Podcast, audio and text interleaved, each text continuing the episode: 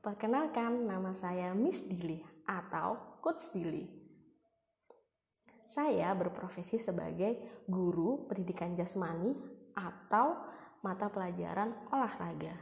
Kebetulan saya mengajar olahraga di salah satu sekolah swasta di daerah Pasuruan. Nah, karena saya kebetulan berprofesi sebagai guru dan guru PJOK, saya akan membahas beberapa materi mengenai PJOK. Sudah siap? Materi yang pertama, saya akan membahas tentang gerak lokomotor dan gerak non-lokomotor.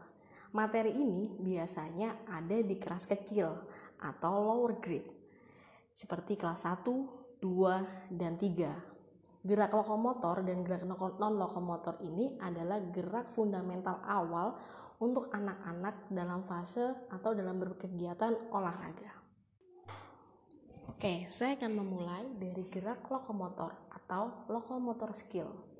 Ada juga yang bilang ini gerak lokomotor movement. Gerak lokomotor adalah gerak berpindah tempat di mana bagian tubuh-tubuh tertentu bergerak atau berpindah tempat. Gerak dasar lokomotor merupakan salah satu dom domain dasar gerak dasar fundamental atau fundamental basic movement. Keterampilan lokomotor didefinisikan sebagai keterampilan berpindah individu dari satu tempat ke tempat yang lain. Contoh gerak lokomotor, misalnya berjalan, berlari, melompat, dan berguling. Keterampilan lokomotor membentuk dasar atau landasan koordinasi gerak dasar atau gross skill dan melibatkan gerak otot besar. Jadi, gerak lokomotor adalah gerakan yang dilakukan oleh manusia dan ditandai dengan adanya perpindahan tempat dari tempat asal ke tempat yang lain. Jadi saat kamu berpindah dari satu posisi awal ke posisi yang lain itu sudah disebut dengan gerak lokomotor. Contohnya kamu berlari dari depan pintu sampai belakang.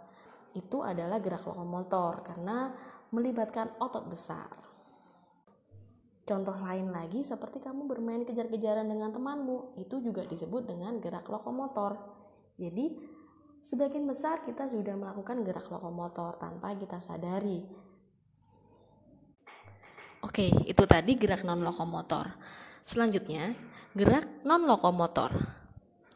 Gerak non lokomotor dapat diartikan juga sebagai keterampilan stabil, gerak yang dilakukan tanpa atau hanya sedikit sekali bergerak dari daerah tumpuannya dapat juga didefinisikan sebagai gerakan-gerakan yang dilakukan dengan gerakan yang memerlukan dasar penyangga yang minimal atau tidak memerlukan penyangga sama sekali atau gerakan tidak berpindah tempat.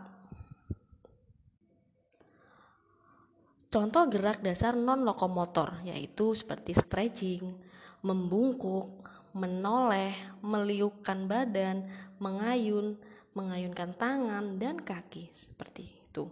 Jadi, saat kita melakukan stretching, itu sebenarnya adalah gerakan non-lokomotor. Tanpa kalian sadari, kita sudah sering melakukan itu. Seperti membungkuk, menoleh, meliukan badan, mengayun tangan dan kaki. Itu sudah sering kita lakukan tanpa kita sadari. Nah, kesimpulannya, gerak non-lokomotor ini adalah gerakan yang dilakukan tanpa berpindah tempat. Jadi hanya di satu posisi. Contohnya kamu stretching hanya ada di satu posisi, jadi tidak perlu berpindah tempat. Itu adalah gerak non lokomotor.